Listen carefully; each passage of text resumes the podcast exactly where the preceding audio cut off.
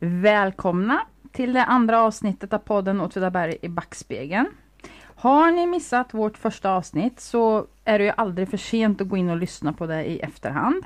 Man hittar det både på Spotify och sen på Apples app Podcast och våra respektive Facebook-sidor. Eller hur Roy? Precis, och så hit finns den också på Brukskultur Åtvidabergs hemsida brukskultur.se. Ja, och våra Facebook-sidor är ju då Brukskultur också. Ja. Och sen min stort smått och lite däremellan. Precis. Ja.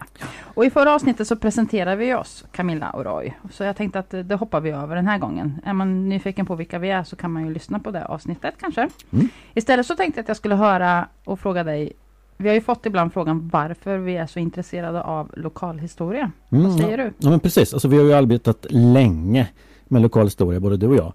Eh, och den här podden har ju lokal, en lokalhistorisk inriktning, kan man väl gott säga. Eh, och vi tycker att det är viktigt, båda två. Eh, jag tänker för många är ju lokalhistoria eh, väldigt mycket nostalgi. Alltså man, man minns hur det var längre tillbaka. Man älskar att se bilder på, på miljöer och på människor man känner igen. Så. Men, och, och det, det är gott nog kan, jag- kan jag tycka.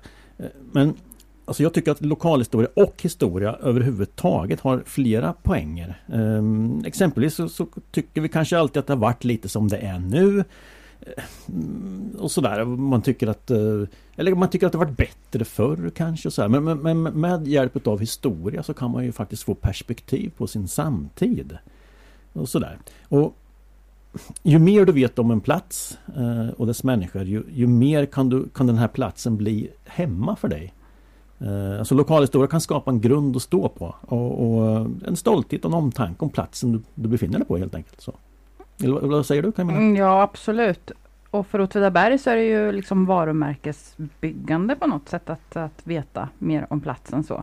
Och jag tänker, jag håller med om allt det du säger. Det, så. Och sen för mig är det också väldigt, det är ju det här emotionella mycket. Um, att jag vill veta mer om de gator jag går på, vad som har hänt och utspelat sig och hur det har sett ut, om de platser jag passerar, om de människor som en gång har bott här. För att på något sätt så är ju de, ja men vi bygger ju vidare. Vi, vi har ju ärvt, det är ett arv liksom, så, som vi bygger vidare på. och Jag tycker att det är viktigt. Kanske är det lite sådär någon slags eh, egen känsla av att eh, vilja vara odödlig. Jag vet inte, men eh, jag tycker att det är jätteviktigt att komma ihåg.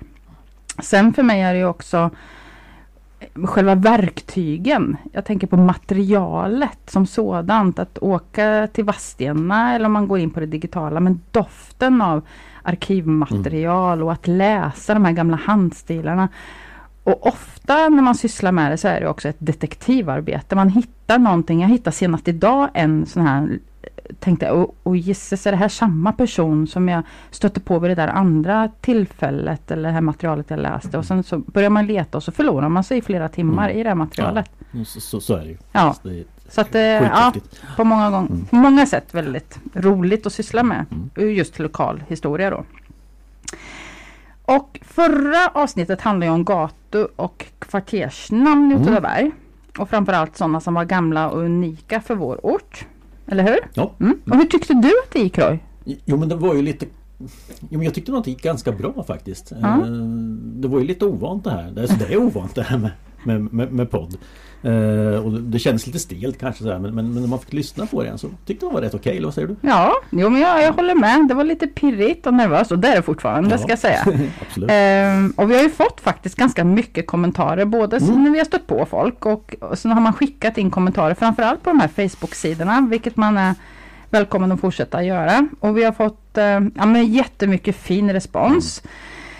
Att man säger att man tycker det är intressant och man ser fram emot nästa avsnitt och att det var jättekul och att det var trevlig stämning i, i programmet. Det är ju härligt. Ja. Och det har vi också så Ja. att det, det känns kul att det, att, det, att det går igenom så att säga. Och att det var kul att lyssna på. Ehm, och sen en del som har bott på orten i hela sitt liv säger att de fick lära sig mycket nytt. Mm. Det tycker jag är jättekul. Ja absolut. Sånt är ju roligt. Alltså, det ska vara bildande. liksom, Ja, precis. Och att det finns något även för den som har bott här hela Ja. livet. Liksom. Men också en, en som har sagt jättekul initiativ, perfekt för en utsocknes som mig. Mm. Så att Mm. även de som har eh, inte bott där så länge har ju känt att, att det här ja, har gett någonting då. Sen tyckte jag det var en rolig kommentar från en Angelica här som sa att hon lyssnade på programmet medan hon var ute på promenad. Och det var fullständigt livsfarligt. För jag tittade ju upp och läste gatuskyltar hela tiden hon var inte uppmärksam på trafiken.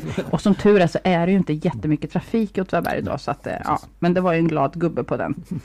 Eh, någon från byggnadskontoret som hörde av sig och sa att det var roligt att höra hur mina företrädare jobbar på byggnadskontoret, byggnadsnämnden. Ja. Ja, kul, kul. Så att, eh, och jag kan känna nu när vi skulle sända det här avsnittet att jag är väldigt tacksam att det har varit så mycket positivt. För det hade varit väldigt tråkigt att åka och sätta sig här idag. och spela in och alla hade tyckt att det här var det sämsta skit de hade hört. Ja. Så fortsätt sa de och då, då tänkte vi, då gör vi ju det då. Då gör vi det. Ja. Sen fick vi ju lite frågor. Jag Mm. tror du, vi fick en fråga om smällen bland annat. Ja men precis, varför heter eh, alltså smällen, Smällgatan finns det en, en, en gata som heter och den går tillbaka till ett, ett kvarter, ett område som, som heter och kallas för Smällen. Uh, och det finns egentligen inga säkra uppgifter om varför det heter Smällen. Det finns en uppteckning från 1935 där en person uh, säger att, att det fanns, i det här området fanns det en grind som hade en stängningsanordning som smällde igen då när man stängde grinden. Ja, Så det är egentligen det enda vi vet om, om just det namnet. Ja. så det är ingen som har blivit på smällen i alla fall. Eh, möjligen, Ja. fast inte... Förmodligen är det någon som har blivit där i området men det kanske inte är det som har gett upphov till namnet i Nej, alla fall. Precis. Ja. Ja. Eh, Svenbergsvägen var en person som hör av sig här. Hon skriver, det ska väldigt intressant, ska bli riktigt kul att följa podden. Och kan inflika lite kuriosa, en han är det förresten som har skrivit det här. Jag kan inflika lite kuriosa om en av gatorna som vi nämnde då. Det finns nämligen två skyltar som pekar på Svenbergsvägen. En från Slevringenvägen Mhm. och en från Douglasvägen. Ja. Och när jag var yngre, och kanske fortfarande säger han då, så stavades skylten från ena gatan med ett N. Mhm. Medan det från andra gatan, nämligen från Douglasvägen, st- stavades med två N. Är det fortfarande så? Och jag misstänker att den här personen inte bor kvar i Åtvidaberg. Så självklart så begav du- jag mig Okej, ja. till Svenbergsvägen. Och det stämmer. Det står från Douglasvägen så Jaha. är det Svenbergsvägen med två N. Och från Slevringevägen så är det med ett N. Och jag tänker det här måste man ju veta på bygg... Ja men jag tänkte det här är ett fall för byggnads... eh, kontoret. Men jag tänker att de kanske tycker att det här har varit så länge så att det har blivit en liten grej. Ja, så. ja. Jag, tycker, jag tycker personligen inte att vi ska ändra på detta. Nej absolut inte. Det är också en som, som hör av sig om eh, och säger att backen upp från Stenhusgatan om du står vid Slaggbåt kallade mamma för Prästbacken och det brukar jag också göra. Och det måste väl bli Slevringevägen upp då? Ja just det, ja, Ja. precis. Ehm, och, och kvarteret som ligger till höger, på höger hand om man står ner på Stenhusgatan och så går upp för Slevringevägen heter det också kvarteret Präst, Prästbackarna. Ja just det, så Ja. det, är ingen, det är inget konstigt att det kallas Nej. för Prästbacken, just den backen då. Vi, fråg, vi hade ju inte svar, eller så, vi hade ju uppe Åsvärsbacke. Mm, precis, men då fick vi ju in en, ett Vi tips. fick in ett svar Ja. som, som kan då stämma. Den kan, vara kan vara uppkallad efter en byggmästare som hette så. Mm. Eh, kanske han byggde ett av husen där. Eh, så så att en, en byggmästare. Och det, Det- fanns tydligen ett hus som också kallas för Åsvärdshuset. Ja, och det Nej. låter ju Rimligt. rimligt. Hengränd fick vi en fråga om också. Ja precis och då pratade vi ju inte om Hengren. Nej. nej, nej. Eh, men Hengren, och det har jag hittat i en tidningsartikel från 1970 Mhm. eh, som jag har i arkivet. Eh, så Hen, Hengren ska då komma ifrån eh, och Henberget då, som ligger bakom Hengren ska då ligga, eh, komma ifrån eh, en särskild sorts sten som användes för att slipa liar med. Alltså ett slags bryne. Oj. Ja. Wow. Så, och just pratar vi Hengren så pratar vi också långbrott. Mm, jag tänkte ju säga det Ja. inflika, vi, kanske för de som inte vet vad hengränd är. Var, var ligger det? Eh, det ligger... Eh, Och nu tittar Roy förtvivlat på mig ja här. men precis. Eh, torget som ligger... Sunnebotorget. Sunnebotorget, Ja. förlåt det var det jag sagt. Ja. Eh, det ligger alltså bakom Sunnebotorget. Ja. Precis. Eh, och, och det ligger då i långbrottsområdet och själva namnet långbrott har vi också fått frågor om em- emellanåt. Sådär. Mm. Eh, och det ska också få, få fått sitt namn efter att man bröt eh, skiffer där, alltså lång, man bröt långbrott. Aha. Ett långt brott. Nej men oj. Mm. Och den skifferarten är ju den här bäckfallstenen som Ja. vi pratade om i Ja. förra avsnittet. Så. Slutligen ehm, och vi har fått en del andra kommentarer naturligtvis. Men en väldigt spännande sådan är ju Göstas väg. Mm. Som vi då inte vet vilken Gösta det är som har, Precis. som har gett upphov till det namnet. Och då har jag fått ett, ett, ett mejl från Marcus Palmqvist som berättade att han har hört en historia, kanske är en skröna säger han, om varför det skulle kallas just Göstas väg och Göstas park. Och enligt den skrönan så var det en ung pojke som hette Gösta som försvann och eller, eller eventuellt drunknade i ett av de här kärren som fanns där tidigare innan man byggde Ja, husen. låter som en otroligt tragisk historia. Ja, hemskt.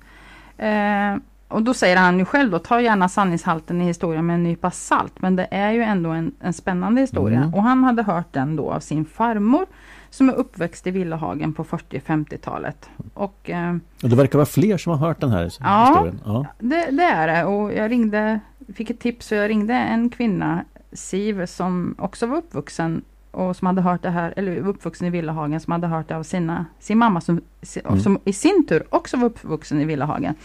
Och hon, ja, oh ja, det är just det, det är en pojke som, som drunknade i ett av Mm. de här kärren som var trillade, trillade i och som drunknade då.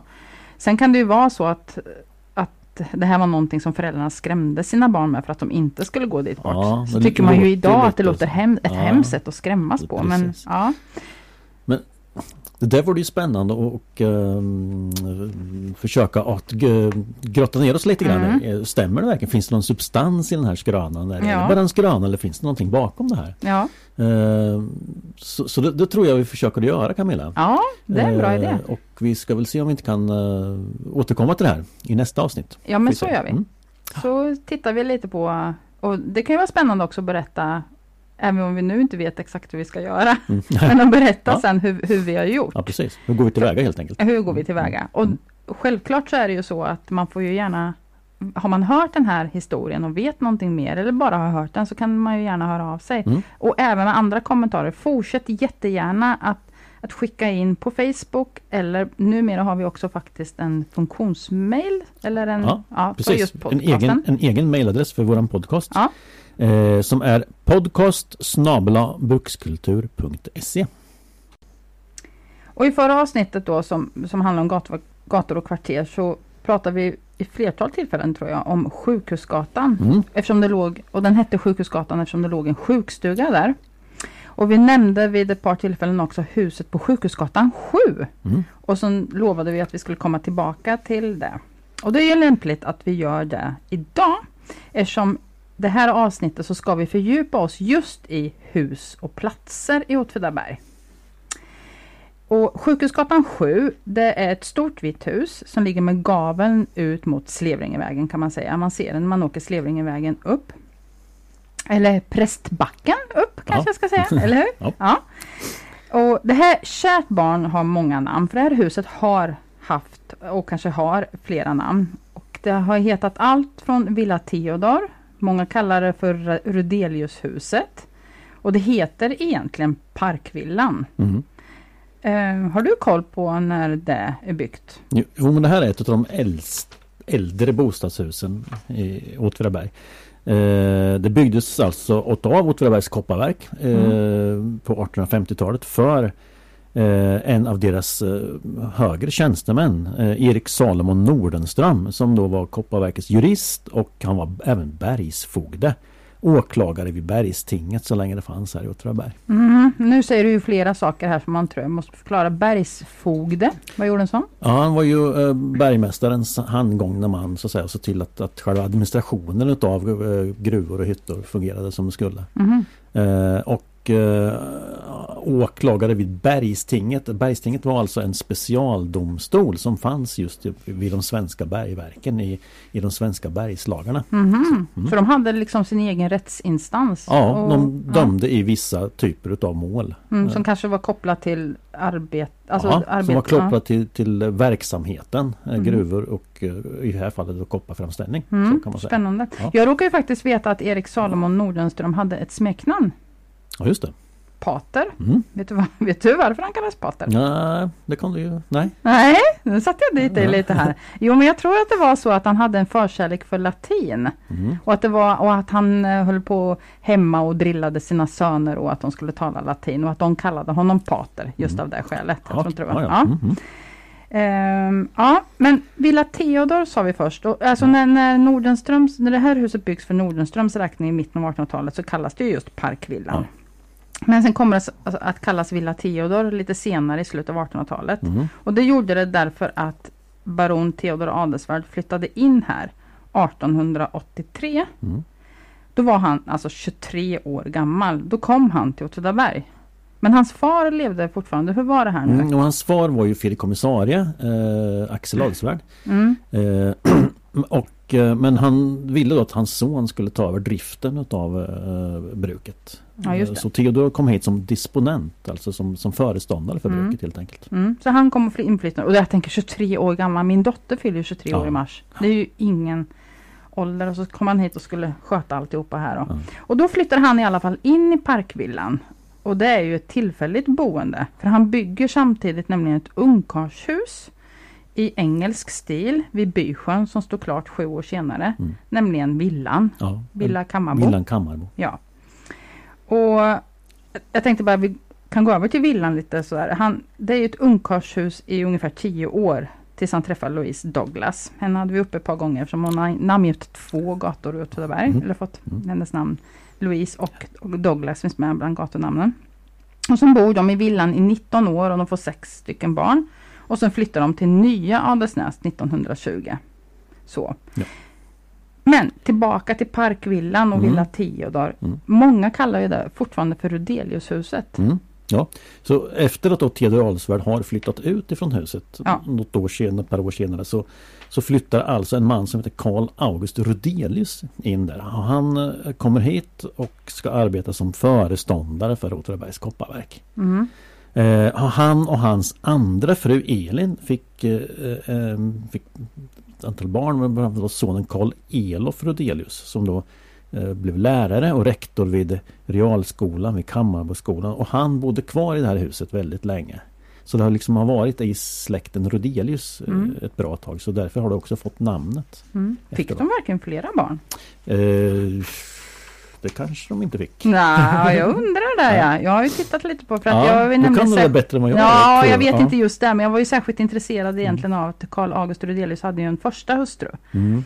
Sigrid. Och Mm. det kan vi nog komma tillbaka till, men Mm. det är en spännande historia. Mm. Men om vi nu tänker oss att vi står framför just denna parkvillan. Vi har gått in på Sjukhusgatan så står vi Mm. framför parkvillan, det Mm. stora fina vita huset. Eller Villa Theodor eller Rudeliushuset eller vad vi nu kallar det. Mm.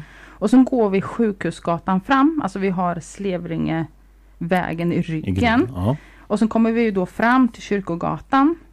Eller hur? Ja. Är du med? Ja. Du, det tänkte jag på. Det är en bra grej att säga här nu faktiskt. Det var någon som skickade in att hon hade suttit med kartan framför sig sist. Ja. Och hon lyssnade. Det Det är är, en- jättebra idé. Precis, då kan man ju följa med precis var vi, var Var vi vi, pratar, befinner oss, Ja, vi pratar om. Om man inte ser det så i huvudet. Mm.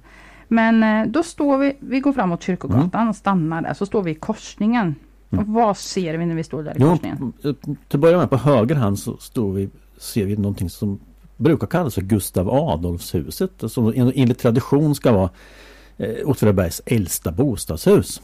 Eh, och där ska då kung Gustav II Adolf ha varit på besök här någon, någon gång på 1620-talet för att försöka få fart på kopparframställningen eh, i bygden här. Eh, men det ska också även ha varit prästgård eh, påstås det. Eh, och det kan nog stämma kanske för, för enligt en karta som från 1772 så, så är det finns det en markering där för gamla prästgårdstomten. Mhm. Men om det har varit prästgård på 1600-talet eh, det är ganska osäkra uppgifter. Det finns egentligen inga belägg för det där. Så, Nej, varför, Vet man, varför vet man inte det?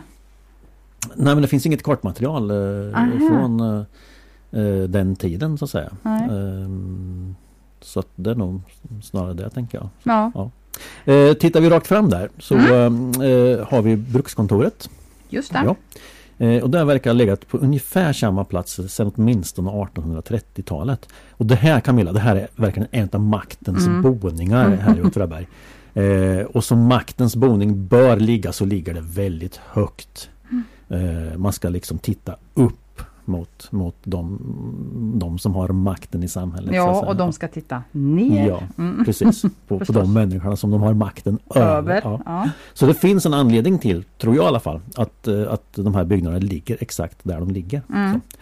Eh, Den gula stenbyggnaden eh, som i, i- vid Brukskontoret där uppfördes på 1850-talet som så mycket annat vid den tidpunkten. Alltså, jag tror jag började expandera väldigt mycket då. Mm. Ehm, och förutom då brukstjänstemännen så hade även brukspatronen ett kontor Mm. eh, i, i det huset. Men gäller det här även de husen som sen följer på Kyrkogatan? De andra röda husen? Ja, Byggs de ungefär samtidigt? ja, jag skulle tippa på i början på 1800-talet eller Ja. 1830. Och vad, vad var det? Alltså det här är ju bostäder för brukets högre tjänstemän Mm. helt enkelt. Mm. Eh, Så. Ehm, och det där fortgår ju en bit, alltså även in, in kring sekelskiftet 1900, slutet av 1800-talet. För går vi över nästa gata, Adelsnäsvägen, Mm. eller, ja, så ligger där eh, med en gavel ut mot gatan kassör Hallerströms villa och Mm. bredvid ligger kassör Janssons villa. Mm. Båda uppförda som ett slags egna hem i det här egnahemskvarteret Ålunda. Fast då för brukets tjänstemän. Eh, och den här Janssons eh, hus är ritat av den kända arkitekten Carl Westman. Mm. Och det här, är, det här är verkligen brukstypiskt tycker jag. Eh, det finns en, en, en historiker som har skrivit en bok som heter Vi är del, alla delar av samma familj. Som handlar om ett, ett, upp, eh, ett bruk i Sörmland. Och det här är precis vad det handlar om. Det här kvarteret är ett egnahemskvarter och där har både arbetare och tjänstemän sina bostäder. Men de, har, eh, de ser på ett, ut på ett helt annat sätt. Ja. Så. ja. Men du, kassör Hallerström och kassör Jansson. Nu de, de var inte kassörer samtidigt? Eh, jo, Jo, ja, jo. hade man två kassörer? Ja. Och de bor bredvid varandra. Ja, Snacka om att, och sen precis bara stenkast från sitt kontor så de ja, tog Mm. nog med sig lite arbete hem där kan man tänka sig. kan då. man tänka sig. Men innan, jag tänker, innan vi går vidare, Mm. om, om vi tänker oss att vi skulle ha stått på den här gatan en kväll som nu, men det var 1900-talets början. Då låg ju alltså bara tre hus på Sjukhusgatan.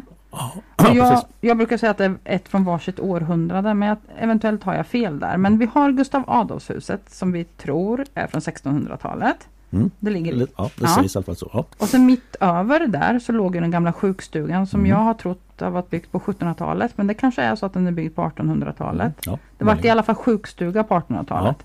Och sen på andra, alltså i andra änden av Sjukhusgatan så ligger då Parkvillan som byggdes i mitten av 1800-talet. Mm. Så det är ju det är bara tre hus där. Sen är det väl tomter som man tänker att man ska bygga på så småningom, som man också ja, gör Man odlar kanske saker och ting där. förmodligen. Så, ja, Och som man bygger sen under 1900-talets första hälft och en del Mm. hus där. precis. Eh, men om vi står där så här års, skulle vi se någonting då? Ja, inte så bra som vi skulle se saker och ting idag. Eh, tänk, tänker jag då. Eh, gatlampor, fotogen har ju funnits förstås då. Eh, ett antal. Eh, de tändes ju av en lykttändare som brukar kallas för tutare-gubben som också hade i uppgift att blåsa i någon mässingslur Mm. vid, vid jämna klockslag och och sådär. Mm. Ja. Eh, men det fanns ingen elektrisk belysning eh, i slutet på 1800-talet. Och den, åtminstone inte gatubelysning. Men du, jag måste bara fråga Ja, den här stackars tutare-gubben. Ja. För dels gick han och tände, man undrar ju hur många, många lampor han hade att tända. Det kanske var fler än han, en person i och för sig. Men så skulle han tuta varje hel timme, kanske inte hela natten. Men sen skulle han ju gå och släcka de här, Ja, alla de här lamporna ja. också. Precis. Ja, Ett ja, Ud, Vilket- udda, udda yrke som... udda yrke. Precis. Ja.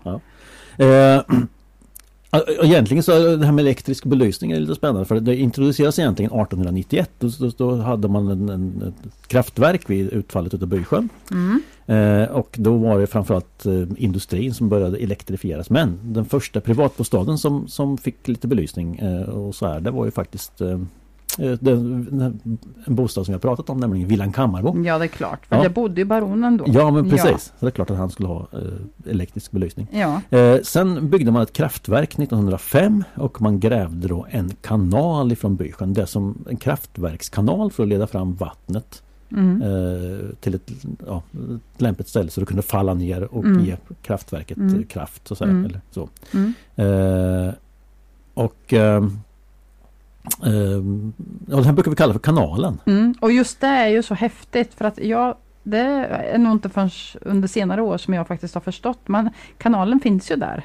Och där har man alltid gått i alla tider och den är så väldigt vacker Mm. och man går och matar änder och man har gått dit med barnen och matat änder och sådär. Man tror ju att den alltid har legat där. Ja, Men nu har jag ju sett bilder på hur, hur arbetare har grävt denna kanal för hand. Mm. Eh, och att den, att den tillkom liksom 1905. Innan dess fanns det ingen kanal. nej precis. Den har ju ett syfte liksom. Ja. Ge vattenkraft till, Ja. till kraftverket. Precis. Och att det är det här, eh, liksom de här sjöarna som går i, i något slags system från Horsfjärden, Glan, Stora och Lilla Mm. Bjärn, Tran, Virken och så vidare. Mm. Som ger det här fallet ner. Och sen leder man in eh, vattnet via Bysjön in i kanalen där då som man grävde. Eh, men så tänker jag så går ju vattnet hela vägen. Ja, vi kan ju följa kanalen idag. Men så tar det ju stopp där borta vid Järnvägsgatan. Mm. Och där går det ju alltså vattnet under och sen in i den här Ja, trätrumman som Ja. ser ut som en lång träorm som Ja, leder det. ner just till Ja, kraftstationen. precis. Och det är för, för att få rätt fall till kraftverket. Precis. Ja. och det är väl faktiskt så att den fortfarande förser, att vi får lite el, elektricitet ja. Från, från det idag ja, också. precis. Den funkar for- fortfarande. Ja. Ja. Används så. Det är ju Ja. jättehäftigt. N- när den byggdes då 1906, 5, 6 när, när, så, då var det framförallt i industrin man skulle få eh, elektrisk eh, belysning, elektrisk kraft till maskiner och sådär. Men det fanns också tydligen yttre belysning på 28 ställen här i Mm. Åtvidaberg som man då drog fram elektrisk ström till. Men var, de här, var den här belysningen fanns känner jag inte till. Nej. Så 28 ställen. Ja. Men du sa, du nämnde själv villan och du kanske nämnde här nu utan att jag lyssnade, men sjukstugan hade Sjukstugan hade, Ja. eh, stämmer. Eh, brukskontoret förstås. Ja, precis. Ehm, och eh, snickeri, sågverket, snickerifabriken, smedjan, mejeriet. Ja, flera och det var kanske inte bara elektriskt ljus utan det var också vi- viss drift av maskiner och så. Ja, Och sen hade ju en, en annan ställe också, Brukshotellet. Just det. Hade förmodligen, ja, ja, Ja. tänker jag hade också Mm. elektricitet då. Mm. Ja. Men jag tycker att eh, vi går ner mot det här ljuset. Alltså vi, vi fortsätter backen ner från brukskontoret Mm, och mm, ner mm. mot eh, de här industrierna. Mm. Och finns det några av de här gamla industribyggnaderna kvar nere vid gruppen idag? Mm. Eh, vi har ju det gamla mejeriet finns ju kvar fortfarande. Eh, eller byggnaden finns kvar. Mm. Eh, så. Och där Och har det är ju, lägenheter? Ja, lägenheter och så är det Åtvidabergs motorklubb har sin Just, någon bilbana. ja, Ja, så, mm. ja. Mm. Eh, sen har vi ju då Eksågen förstås. Mm. Där det finns en konstgräsfotbollsplan framför Mm. idag. Men som Mm. då var den sista stora smälthyttan som byggdes på 1850-talet. Då. Eh, och kolkammaren kan vi nämna. Det lilla vita sockerbitshuset som står nere vid i närheten av Gamla torget. Mm. Eh, som då innehöll Ja, åker man den här vägen upp från Eksågen så passerar Ja, man kolkammaren Ja, på höger sida. Ja precis, Mm. ett litet litet vitt hus. Mm. Vad var det då? Eh, Ja, det var ju alltså mm, eh, brukets eh, laboratorium och även då Kopparvägs direktörskontor. Mm. Men vad, vet du vad man labbade om där? Ja, man tog väl prover på koppar som har med koppar Jaha, för att se att det var bra Ja. grejer man höll på Ja, med. Klart. Men om vi nu står här, nu står vi här tänker jag vid Mm. Gamla torget, Ja. det som idag är Kulturcentrum. Mm. Och Gamla torget såg ju lite annorlunda ut om vi, om vi håller oss kvar 1906 Mm. jämfört med hur det ser ut idag. Jag, jag har sett en bild när jag, när jag ser alla de här röda husen ligger nästan, de bildar som en cirkel runt torget. Vet du vilken, hur jag menar? Ja, Ja. ja, jag förstår. Precis. Och jag tänker, det är ju inte många av de husen kvar. Ja, vi har ju dels i och för sig det som kallas det gamla värdshuset eller rot rotboden, eller Mm. hur? Ja, precis. Och på den här tiden 1906 så då kallas det just gamla värdshuset därför Mm. att brukshotellet hade kommit till så Mm. att man hade gjort om värdshuset till lägenheter. Så det är, vad kan det vara, fem, sex lägenheter på övervåningen och sen så var det rotboden på nedervåningen. Mm. Mm. Ja, precis. Och, det här är ju liksom Åtvidabergs äldsta centrum det här. Eh, och just den här byggnaden då var ju, byggdes i början på 1800-talet som handelsbod, som värdshus. Och var ju det, den, egentligen den enda handelsboden som fanns på vägen mellan Linköping och Västervik. Mhm. Så ja, Mm. sägs det. Eh, och den första handlaren vi känner till, han heter Daniel Dahlqvist. Eh, men det är inte han som har, har så säga, satt namn på byggnaden utan, utan den hette under en period under 1800-talet Hökens bod. Mm. Efter eh, handlaren som heter Johan Henrik Höök. Mm. Eh, och i slutet av 1800-talet fick den sitt nuvarande namn ifall Mm. man ska tänka så, alltså nämligen Rotboden Mm. efter handlaren Maximilian Roth. Precis. Och det där med höken tycker jag är lite kul. För han, hade, han, han kom ju först, han som du nämnde här. Mm, mm. Och sen kom ju hans bror inflyttande lite senare. Han hette Karl Magnus Höök. Mm. Han var lillebror tror jag.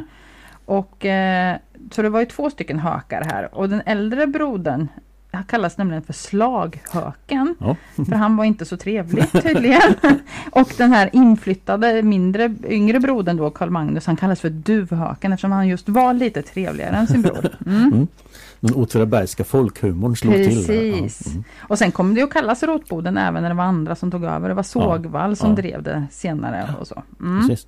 Mm. Eh, men den har haft andra funktioner det här huset. Eh, vi, pratade om Bergstinget förut. Det här var Just det. alltså eh, tingssal. Eh, fram till 1850 var det här tingssal.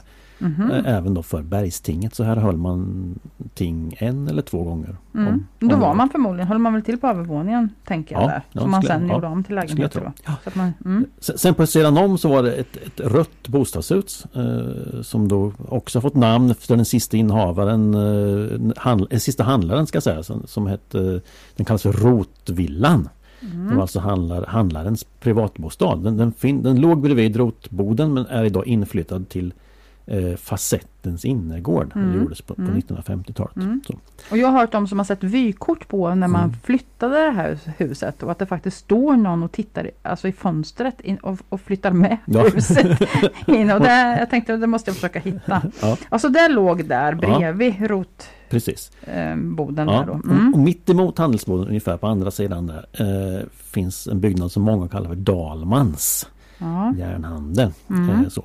Från början så låg där alltså Åtvidabergs hushållsförenings Mm. byggnad från, från 1860-talet då. 1869, 18, ja så. Eh, men deras byggnader brann, eh, åtminstone en av dem brann upp eh, 1903, den här enormt stora branden som, Mm. som var här i samhället som, som tog kål på en hel del byggnader. Så. Mm. Och idag har vi facetten och mässen men där Mm. låg det också andra röda hus tidigare. Ja precis. Ja. Ja. Och vad Eh, var det för något? Ja, där mässen låg. Eh, Eller ligger. Ligger, förlåt. Ungefär. Ehm, där låg en, också ett, ett, ett, ett trähus som, som då var järnhandel. Ja, Eh, så. Och från början var det säkert också bostadshus. Och Mm, så här, ja. mm. ja men det finns ju gamla Mm, foton mm. och då har jag sett bland annat att de står där och har någon auktion tror jag Ja, framför det här precis. huset. Ja. Mm, mm. Och så har vi Verksgatan bort också precis. som heter Bruksgatan från början. Ja. Så den kan vi ju följa, gå framåt. Ehm, och jag vet inte de här husen på Verksgatan, vad var de från alla? När är de byggda? Och när, och De är byggda alltså från, eh, åtminstone under, undervåningarna är byggda i slutet av 1700-talet. Och det är alltså bostäder för brukets arbetare.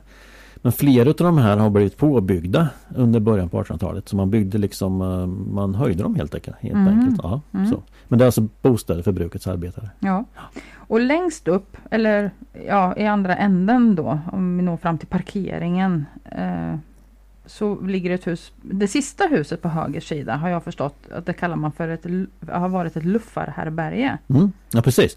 Och det här, det här Luffarhärbärgets liggare, eh, besöksliggare ska jag säga, finns bevarat i Kopparverkets arkiv. Jaha, och, och det, här är, wow. det här är häftigt. Eller det kallas då för Fattighärberget. Eh, Okej. så, ja. Ja. Eh, och det är egentligen inga luffare som besöker det här härberget utan det är mest kringvandrande, kringvandrande gesäller och arbetare. Och, och det här, det här, jag tycker det är helt häftigt. Alltså 1880 exempelvis så har det alltså passerat över tusen människor Mhm. eh, som finns inskrivna i, i den här liggaren då. Men vad skrevs de in till? Att, att sova där eller? Ja, en ja. eller någon, ett par nätter. Eh, Ja. Så, men de har liksom passerat, de har, Ja. de har bott där. Ja, så egentligen så det här med fattighärberge det är lite missvisande. Det är typ, något typ som ett, ett vandrarhem Ja, någonting. idag skulle man skulle- kalla ja, idag skulle man kalla det. för vandrarhem. Och de här, alltså, de här människorna kom då från stora delar utav Sverige. Allt ifrån Malmö i söder till Haparanda i norr.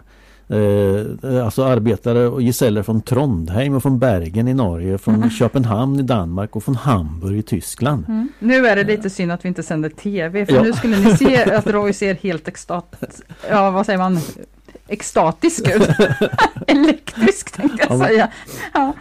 ja, och jag har också hört talas för det här, det här blev ju senare ett häkte. Ja men precis. Ja. Ja. Mm. Och ehm, jag vet, eh, jag fick höra, för jag har ju berättat lite om ett drama som ägde rum ute vid Gissebo, mormorsgruvan. Mm, mm. Med trädgårdsmästaren Sune Alberg som eh, begick ett, ett, ett fasligt brott då här ute 1931. Mm. Och han lär ju ha suttit i det här häktet. Och Ja. jag vet de som har berättat om, och de gick förbi där i mörkret och han satt där den här Sune då och man var lite rädd för honom. Ja, och det kan man ju förstå. Ja. Även om han kanske egentligen inte var så farlig. Men vi står alltså här på Verksgatan. Mm. Om vi då tittar bortåt av parkeringen och så, så så ser vi ju faktiskt en särskild, vi skulle prata plats, och det har vi Mm. gjort ett par gånger här nu då. Men då ser vi Åsen med sina tre hyreshus. Mm. Och Ja, det brukar man kalla för Galgbacken. Ja, ja. Och nu tänker jag att nu måste vi en gång för alla slå fast. Var det här en gallbacke där man förr hängde dödsdömda? Sannolikt inte. Nej. Nej.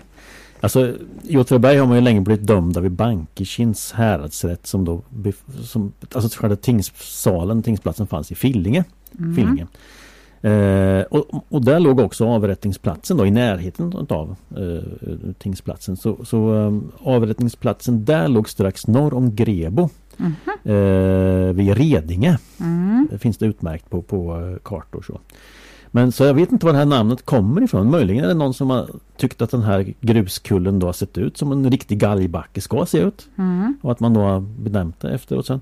Eh, eller också är det för något annat tillfälle. Jag tänker eh, möjligen då eh, kanske Dackefejden eh, eller Nordiska sjuårskriget på 1500-talet. Mm. Alltså man på något sätt har tagit livet av människor och placerat dem på den här Ja, just det. kullen. En tillfällig Eh, gallbacke kanske det kan ja, ha varit. precis. Eller under medeltiden. Men, men det, är liksom det, det, det är bara spekulationer. Ja. Det finns liksom inga som helst belägg för det. Nej, nej.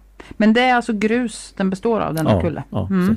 Och den har varit större än, än vad den är idag. ja, för den har ju gått ner en, nästan ända, åtminstone delar av den har gått ner ända nästan ner till Verksgatan. Mhm. Eh, och den här mycket av gruskullen grävdes bort och man byggde en stor parkering där för Mm. Facit ABs eh, Mhm. arbetare så. Mm. Men det förklarar varför jag på en del, man har sett gamla marknadsbodar bakom Verksgatan, det stämmer Mm, va? Och ja, då, då har jag sett att de har legat så märkligt, men då beror det ju Mm. på att det var en kulle Ja, hela vägen. Ja, Ja, precis. just det. Mm, mm. Okej, men vi vänder på klacken då Mm. och lämnar denna gallbacke och så går vi bort längs Verksgatan igen, kommer tillbaka till torget, Mm, passerar det mm, och har mm, gropen på mm, höger sida. mm. Så kommer vi ju till, ja då har vi passerat mässen också, Ja. så kommer vi bort på Ossagården som vi har då på vänster sida. Mm, mm, Och här på planen ungefär så fanns ju tidigare en damm, mm, eller hur? mm. Ja precis. Mm. En En bruksdamm. av bruksdammarna. Mm. Ja. Eh, och om jag skulle liksom för någon här i Åtvidaberg idag förklara den här platsen och beskriva den för någon. Vet du vad jag skulle kalla den då? Om vi skulle mötas där så skulle jag säga något. Mm, och du sa Åsagården förut men jag tänker att det är inte det du tänker säga nu. Nej, jag skulle ju kalla den då för gamla, gamla Tobas. Ja just det. Ja. Mm. För gamla Tobas, om man säger så, det, Mm. det ligger ju vid stationen, eh, det här parkeringen där, Mm. ja, som, som är granne till Reimes. Ja. Mm. Eh, Och förresten, vet du vad jag skulle kalla den platsen om jag skulle beskriva den för någon? Nej. Nej, Momangen. Kommer Ja, du ihåg. Momangen? Ja, absolut. Och det, det där är ju lite kul tycker jag, för platser och hus och det här, det har, det har ju olika namn för människor i olika tider och för, och för olika människor Mm, också. mm, mm. Eh, och en del namn lever ju kvar då, precis Ja. som det här som vi pratade om sist egentligen, att en gata har ett gatunamn och, och att det är svårare att förstå det om föremålet, alltså om den är Mm. uppkallad efter ett sjukhus, som Sjukhusgatan, så kan det vara svårt att, att begripa det idag då om inte Ja. Lite, föremålet lite som finns- Rotboden. Ja, precis. Som då fått namn efter en han- handlare på 1800-talet. Ja, Mm. och det, ja, det är ju lite kul. Och jag har en sån här eh, ja, nutida historia då. Eh, Min son eh, och hans kompis Jakob, de lekte ofta eh, jag bor ju som sagt då vid Östas park och sen finns det en angränsande lekpark borta vid Basthagen. Och han sa alltid att ja, men vi går bort till Röda hatten. Mm. Och jag tror att även min dotter kallade den för Röda hatten. Så. Och så man kommer bort dit så står man ju där och tänker, vad, vad, finns, vad, vad, är det, varför kallas den för Röda hatten? Mm. Och då visar det sig att det tidigare, och det kan vara så att det finns nu, nu igen ska jag säga, för jag, det var länge sedan jag gick till den här lekparken, men förr så fanns det i alla fall som en röd om man ska säga kupolliknande ett, tak över rutschkanan. Mm, Och sen har mm. det liksom levt kvar, som man har kallat den här lekparken Ja, för ja. Röda hatten. Mm, mm. Ja, det är lite gulligt. Kul! Ja. Mm. Men gamla Gamla, gamla Tobas alltså skulle jag. Det var där Ja. vi stod. Det, för, det, Mm. för där hade ju Tobas sin, sitt, sin gatukiosk. Ja, ja. Men fast du Camilla, finns det inte ett gamla, gamla, gamla Tobas också? Som låg mellan Kulturhuset och Röda Ladan. Alltså där Toba hade kiosk innan den flyttades till Åsagårdens entré. Jaha, hade hon det? Men menar inte du Walters? Jo men det gör jag ju. Walters menar jag.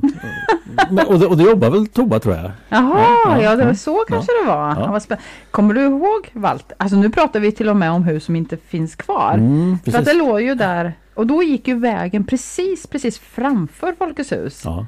Och jag kommer ihåg när man var ute och åkte på den tiden. När jag var liten så var man ju ibland ute och söndagsåkte. Mm. Det gör man ju inte längre, tänker jag. Eller? Nej. Nej, men det inte gjorde man då. Och sen kommer jag ihåg den glädje, man, när man började närma sig Folkets hus och man inte visste om man skulle svänga upp höger eller inte och de gånger man gjorde det för då visste man att nu skulle man åka till Walters. Mhm. Och sen, Walters låg ju faktiskt från allra första början på andra sidan. Mhm. Eh. Stenhusgatan Ja, blir då. ja. Ja. Men nu ska vi inte sväva iväg med det, men det är härligt. Men vi står här nu då vid Järnvägsgatan egentligen. Vi har inte lämnat fortfarande, vi har inte lämnat oss gården och gamla, Ja. gamla Tobas då, Ja. Mm. som jag kallar det.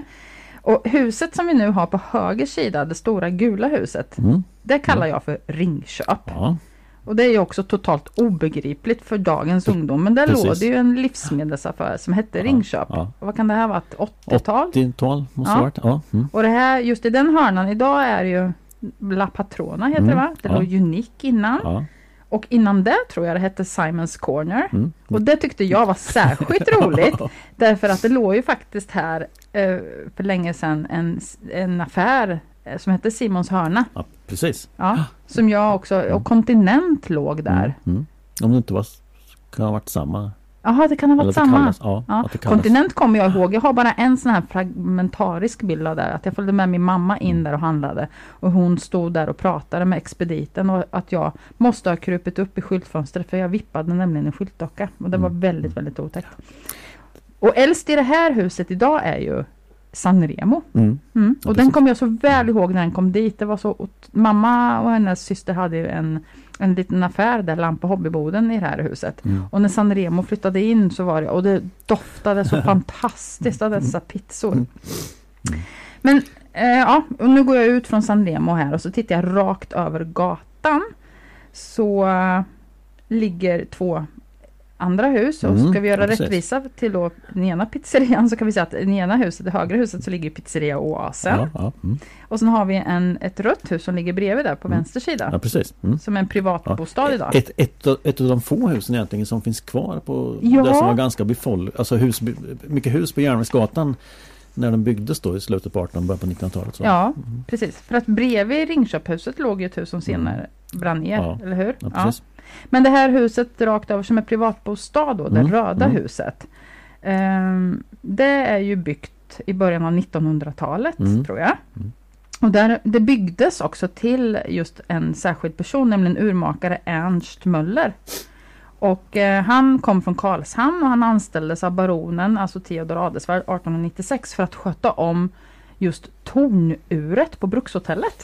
Viktig Ja. uppgift då. Ja, han var ju Ja. urmakare Mm. naturligtvis. Så, så på nedervåningen i det här huset så hade han ju ett urmakeri och Ja. de hade Bland annat de här två rummen som vetter ut mot gatan med stora fönstren. Där hade han ju kontor och det fanns gesällrum och verkstad och butik Mm. och sådär. Mm. Men sen fanns det också en tid i alla fall, några år på 1900-talet, ett äh, gästskiv... Säger man gästgiveri eller säger man gästskiveri? Ingen aning. Nej. Jag säger gästskiveri. Ja, då fanns det ett gästskiveri här och sen också en skjutsstation. Mm. Så det finns också gamla foton på hur, hur Ja. hästar kommer med ja, kärra med mjölk och sådär.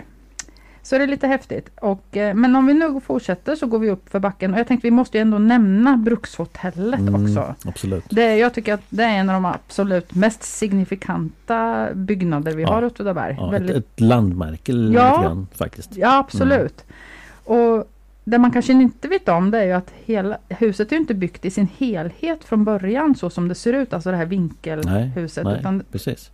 Utan? Utan det är ju alltså byggt som uh, arbetarkasern eh, 1858. Mm. eh, med, med bostäder för 18 arbetarfamiljer tror jag. Ja. Och då menar vi ju bara det här huset, Mm. alltså inte vinkeldelen med, Nej. med klockan Ja. utan det andra. Och då tänker jag att det huset liknar ganska mycket de husen som kommer lite längre fram, Ja. slaggbåt och så va? Ja men precis, det är samma stil på Det är samma och stil. samma funktion nästan. Så, Ja. Och sen bygger man till då det här andra, det då det blir ett brukshotell. Ja. 1869-1870 med det här klockan så. Mm. Och då gör man om de här 18 lägenheterna tror jag till 14 stycken eh, hotellrum. Mm.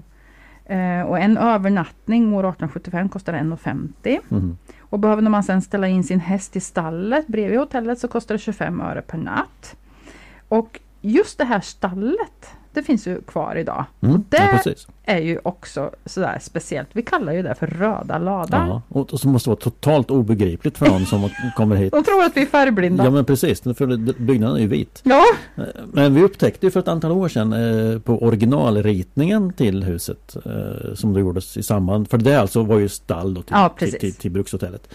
Att på originalritningen så var den alltså färglagd vit. jaha. Eh, och på äldre bilder, alltså de första bilderna vi har som är tagna av fotografen Augusta Zetterling. Mhm. Så finns det alltså en bild på hotellet och i bakgrunden så ser man också då att den här röda ladan är eh, ljust målad så att säga. Jaha, Ja, så ja. nu har man egentligen återställt till Ja. den ursprungliga. Och många tycker att, jag tänker att det finns flera, alltså kanske, för jag har ju tänkt att lite olyckligt att man blivit vitmålad. Men Mm. det är ju helt korrekt om Ja, man ska... precis. Och ja. den går ju i samma stil som resten av Bruksgatan. Alltså alla vita, vita byggnader. Ja, eller. Eller Stenhusgatan. Ja. Ja, att allt, allt skulle vara vitt. Ja. Ja, just. Ja. Och Brukshotellet eh, drivs, den första som, som liksom driver Brukshotellet då, det är ju källarmästare Allard och hans Mm. fru. Och vad Mm. jag har förstått så är det ju kanske mer fru Allard som driver det än, än herr Allard. Mm. Ja, Och att det är flera väldigt dy- dynamiska kvinnor här genom Ja. historien som Ja. är, driver hotellet. Eh, fru Netzer, fru Magnusson och fru Moberg. Mm. Mm. Otroligt drift, driftiga kvinnor som, som, som sköter det här. Ja, det är lite roligt.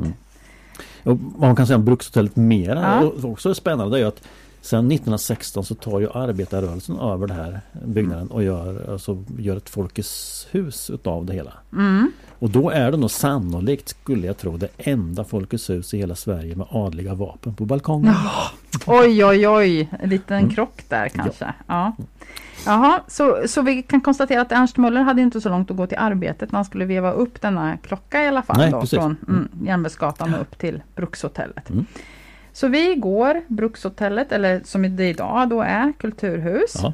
Och sen förbi så kommer vi till, så fortsätter vi gatan fram så kommer vi till ett väldigt, ja vi har passerat Vita ladan så kommer vi till ett väldigt kvadratiskt hus. Mm. Det är ju alltså ett gammalt bruks, ett av de bruksmagasin som fanns. Och det här är byggt redan i slutet på 1700-talet.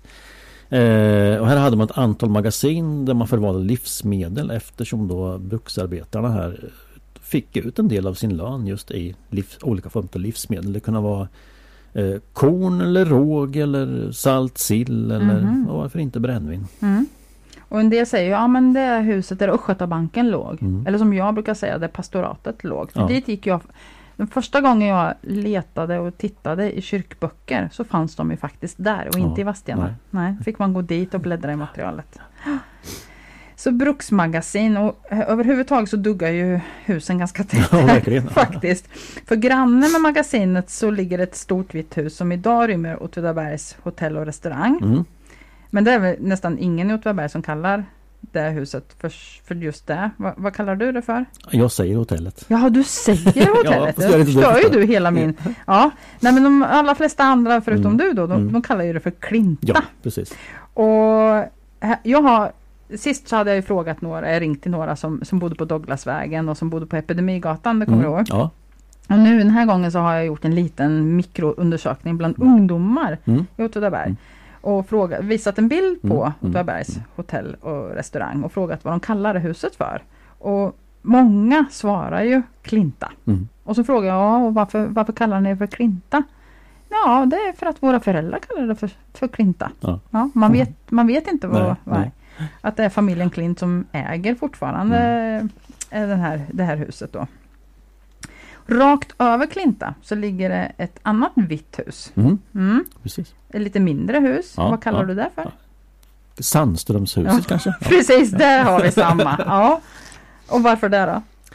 Ja men där hade ju eh, Sandström hette han som innehade Ja. typ sportaffär när jag Ja. var liten och innan dess var det livsmedelsaffär. Ja. Så, ja, precis. Men jag tänker att äldre Åtvidabergare skulle säkert kalla det för Ingvaldssons. Aha. Ja. Därför att eh, den första handlaren i byggnaden hette då Albin Ingvaldsson. Han hade varit handels eh, eh, biträde på, hos Rots nere på Gamla torget. Men Mhm. s- kom tillbaka till, han flyttade ifrån och kom tillbaka till Åtvidaberg. Och, Och började startade- eget. Ja, upp eget. Men jag kan säga att jag, jag fortfarande, när jag tittar på Sandströmshuset som jag kallar det för, så känner jag fortfarande den här otroligt, alltså det doftade ju så gott där inne av läder och Mm. ja, Mm. läderbollar. Ja. Tänker jag. Kan ha varit då? Sportgrejer. Sportgrejer, ja. Ja. Nej men det var lite speciellt.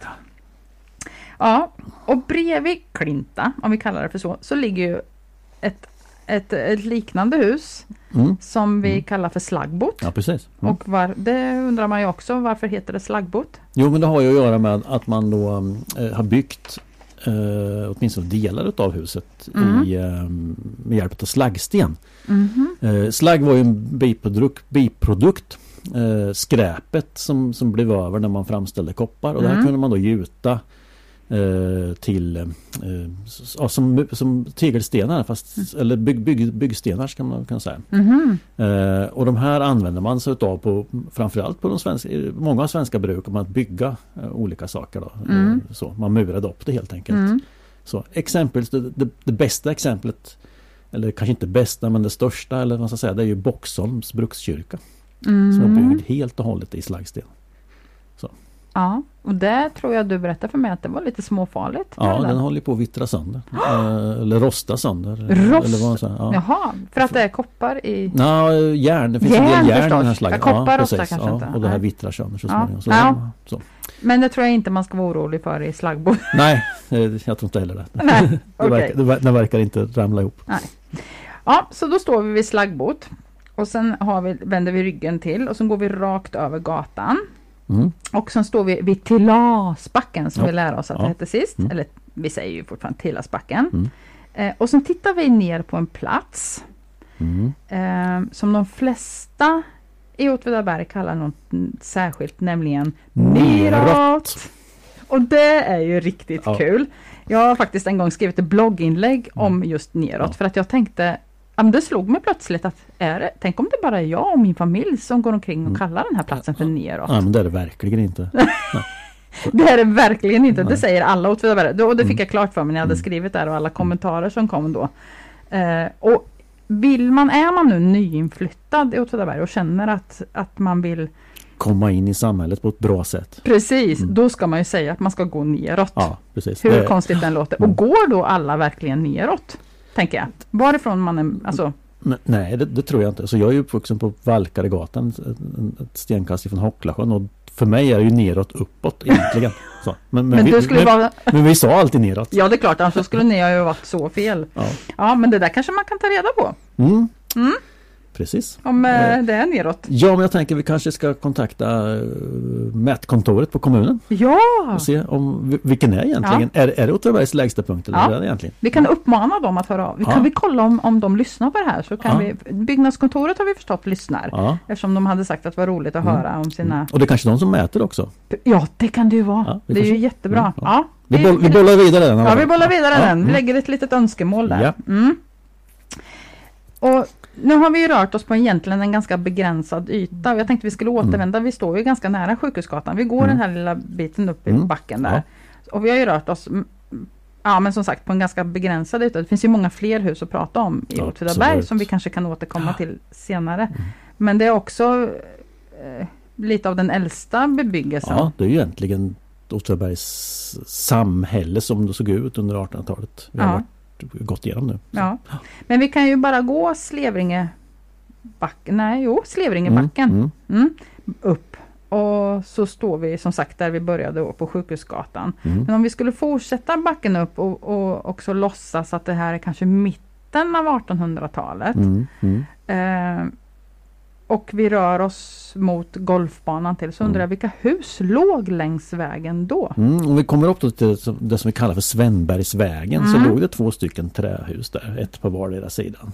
Mm. Fortsätter vi ytterligare, ytterligare en bit upp i backen så låg det, låg det ytterligare två trähus på var sida om vägen. Som, alltså ingen av de här finns kvar?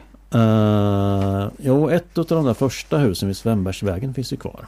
Faktiskt. Ja, är det där som man i folkmun kallar för Klufshus? Kan det vara? Ja, precis. ja det röda huset. Ja, Ja. precis, ja. Men de andra två finns, finns inte kvar. Och de låg i höjd med Stora kyrkan ungefär. Mm. Och går vi här i mitten av 1800 förlåt nu avbröt Ja, jag dig, men ja. går vi här i mitten av 1800-talet så finns ju inte Stora kyrkan. Nej, nej, nej. Utan det är ju det är ju ligger en platt och det ligger ett litet hus där Jaha, som man okej. sen tar bort. Ehm, men, men på ena sidan har vi då telegrafstationen, Åtvidabergs första telegrafstation. Vart låg den menar du? Den, den, den ligger där alltså, är ett utav de här Jaha, ehm, på höger sida? Ja, på höger sida Ja. om man kommer upp, eh, går backen upp. ja. Eh, och sen på vänster sida så låg alltså veterinärens eh, tjänstebostad.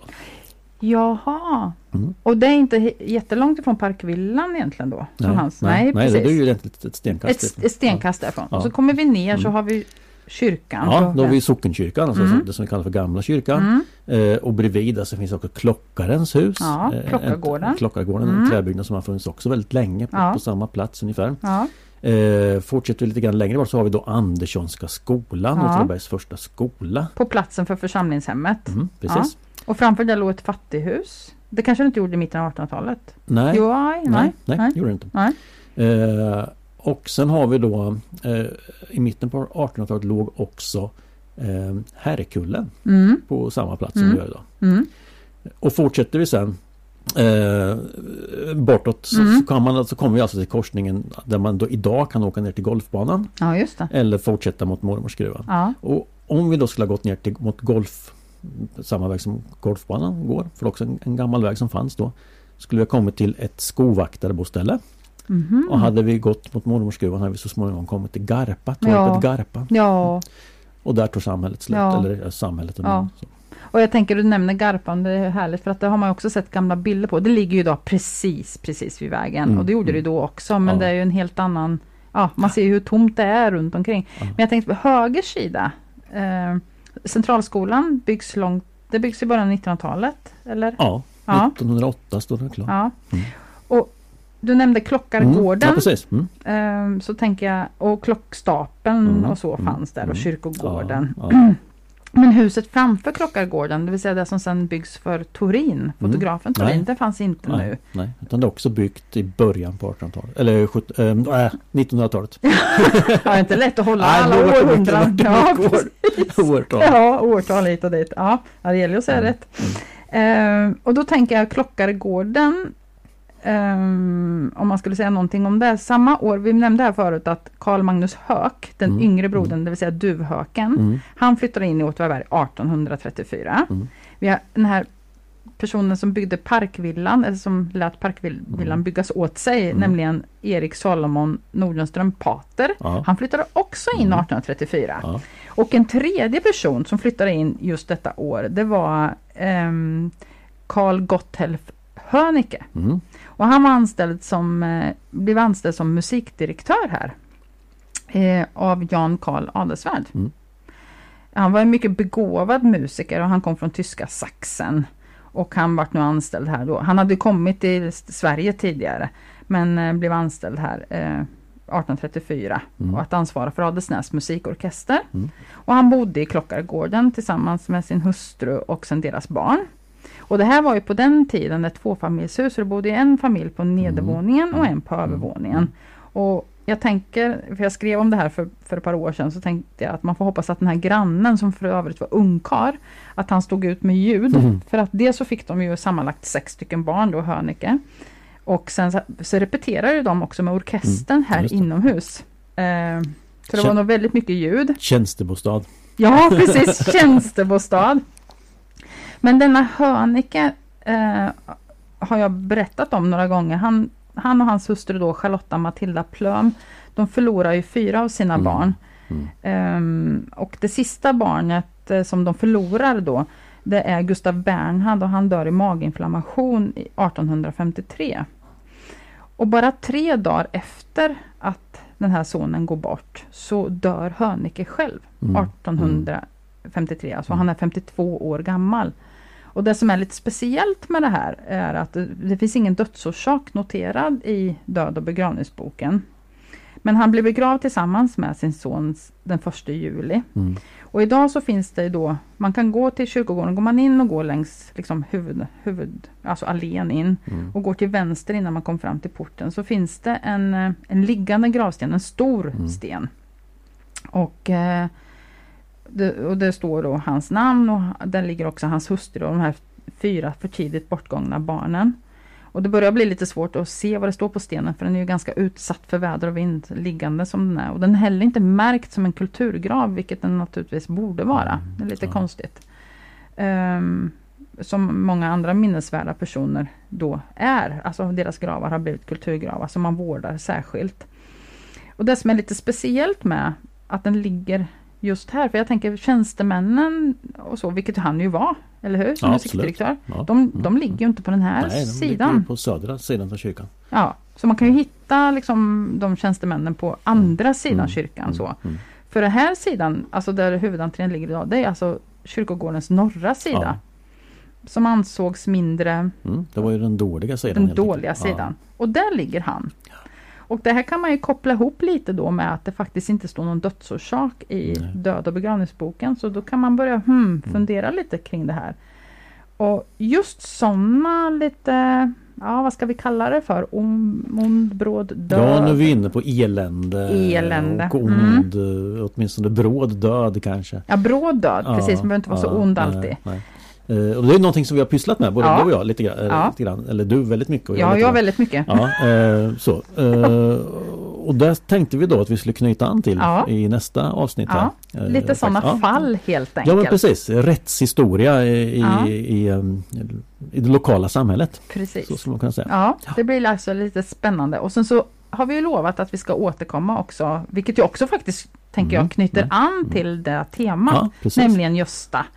Vad hände med denna? Precis. Finns det någon substans i den historien eller Ja. är det en skröna? Ja.